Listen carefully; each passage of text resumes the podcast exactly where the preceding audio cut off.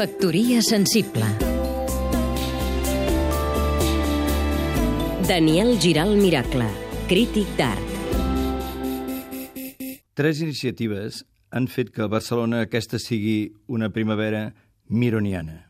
L'exposició haver fet un lloc on els artistes tinguin dret a equivocar-se, eh, ens ha recordat a la Fundació Miró fins a final de maig la història dels espais 10 i 13, plataformes des de les quals, d'ençà el 1975 i per voluntat de Miró, s'ha donat alternativa a gairebé 500 artistes joves. També atractiva és l'exposició de Miró a Barcelona, que es pot visitar ara a la Fundació i que ens explica les tres obres que Miró va concebre per tal de donar acollida a tots aquells que arribessin a la ciutat per terra, aire o mar.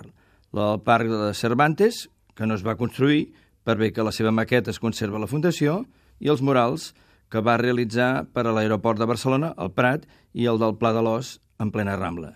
Tres projectes que també s'han aplegat en una publicació d'alt nivell de recerca que inicia la col·lecció Miró Documents.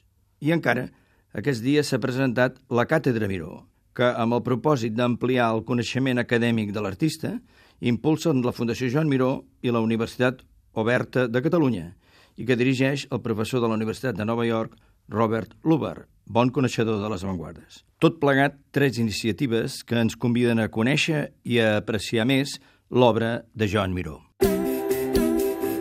Factoria sensible Seguim-nos també a catradio.cat.